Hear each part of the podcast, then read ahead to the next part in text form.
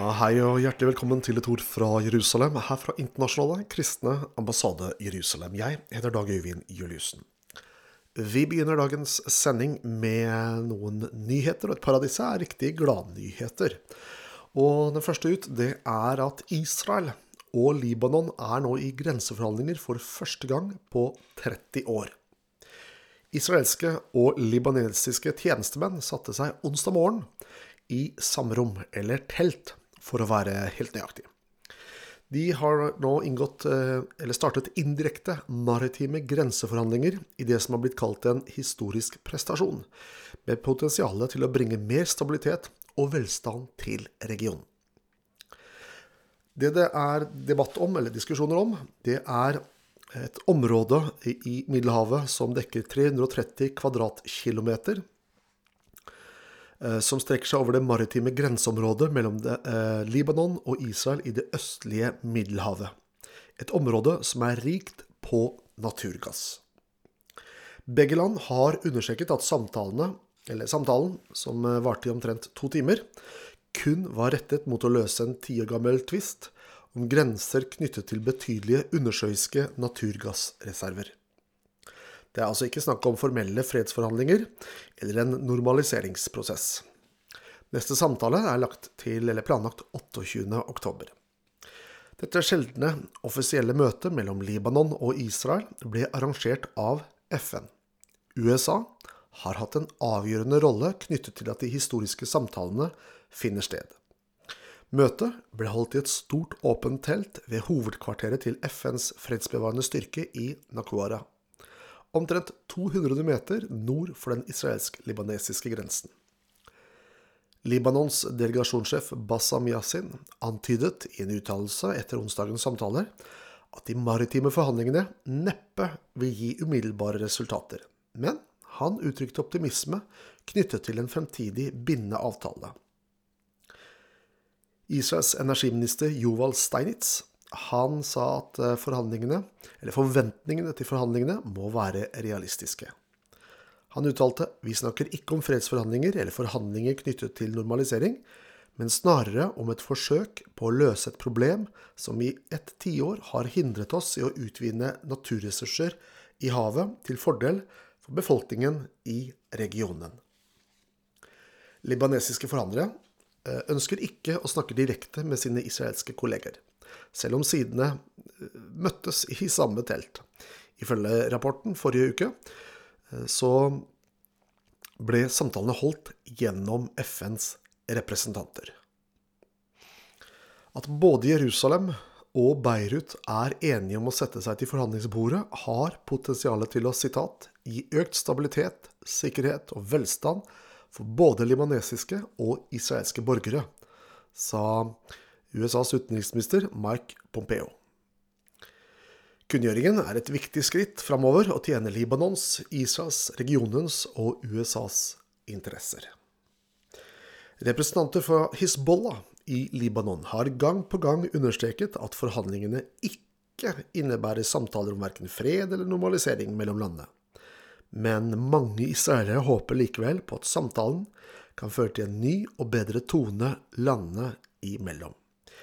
I lys av normaliseringen av forholdene mellom Israel og de arabiske gulfstatene er det jo lov å håpe. Et annet prosjekt som nå pågår, er et samarbeid mellom Israel og India. De samarbeider nå om en lynrask koronatest. En 30 sekunders koronavirustest som er utviklet av India og Israel, skal være klart i løpet av noen dager sier den israelske ambassadøren i India, Ron Malka. Samarbeidsprosjektet har blitt kalt Åpen himmel, og ambassadøren Malka sier at han mener at testutstyret vil gjøre det mulig for verden å begynne å åpne himmelen, siden teknologien ganske enkelt krever at en person blåser inn i et rør, og resultatene blir tilgjengelige på mindre enn ett minutt.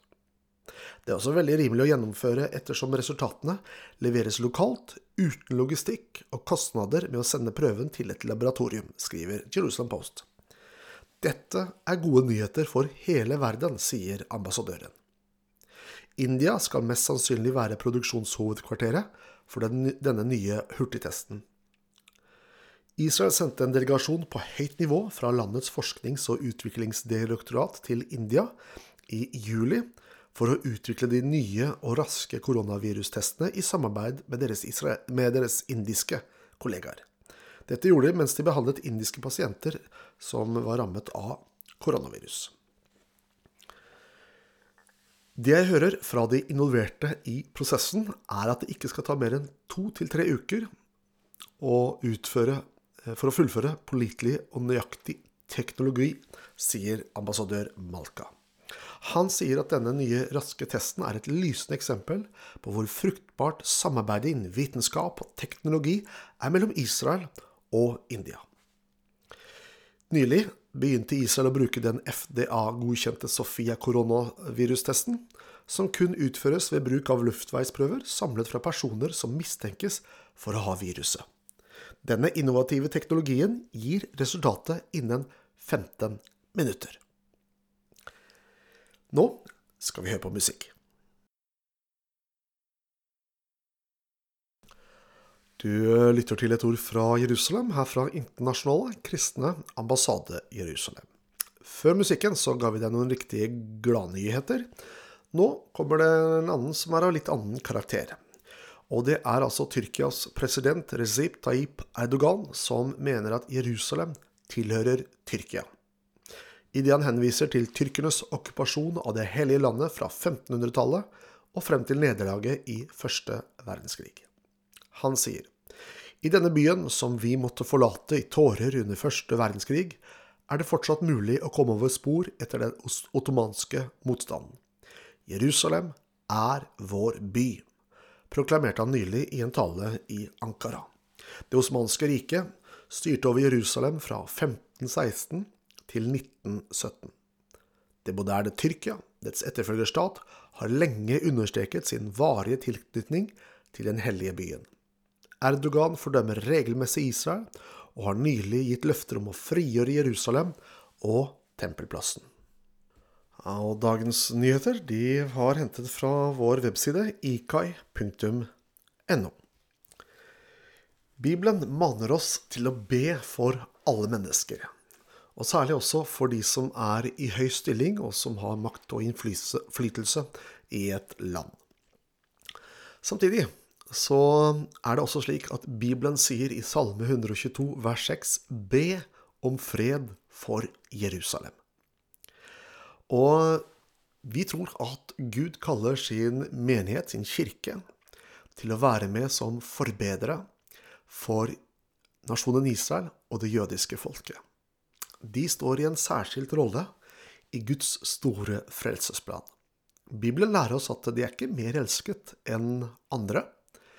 Men de er utvalgt til en helt unik, helt unik rolle i verdenshistorien. Det er derfor Jesus sier 'frelsen kommer fra jødene'. Ikke bare kommer Jesus derfra og frelsen fra dem, men også Bibelen er ført i pennen av dette folket og gitt oss som eh, en gave fra himmelen til menneskeheten. I Jesaja kapittel 62 vers 6 så står det på dine murer, du Jerusalem, setter jeg vektere.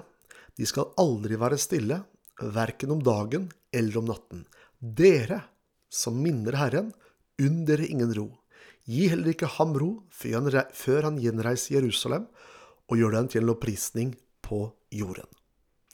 Her står det at dere som minner Herren, dere skal ikke gi Gud ro før han gjenreiser Jerusalem og gjør den til en lovprisning på jorden. Og hvem er dere som minner Herren? Jo, det er jo kirken som ber. Det betyr at vi har et kall, vi har et ansvar til å være med og stå i forbønn for Israel og det jødiske folket, denne byen, dette, denne nasjonen, som hele verden er opptatt av, og som opplever kanskje mer motstand, mer forfølgelse, i hvert fall dette, denne etniske gruppen, enn det noen annen gruppe har gjort gjennom historien. Så vi har et ansvar. Vi kan være med og være til velsignelse gjennom bønn for dette folket. Så du som tror på bønn, vær med og be om fred for Jerusalem. Be for de som bor i dette landet. Du har lyttet til Et ord fra Jerusalem, fra Internasjonale kristne ambassade Jerusalem. Jeg heter Dag Øyvind Juliussen, og takker for følget.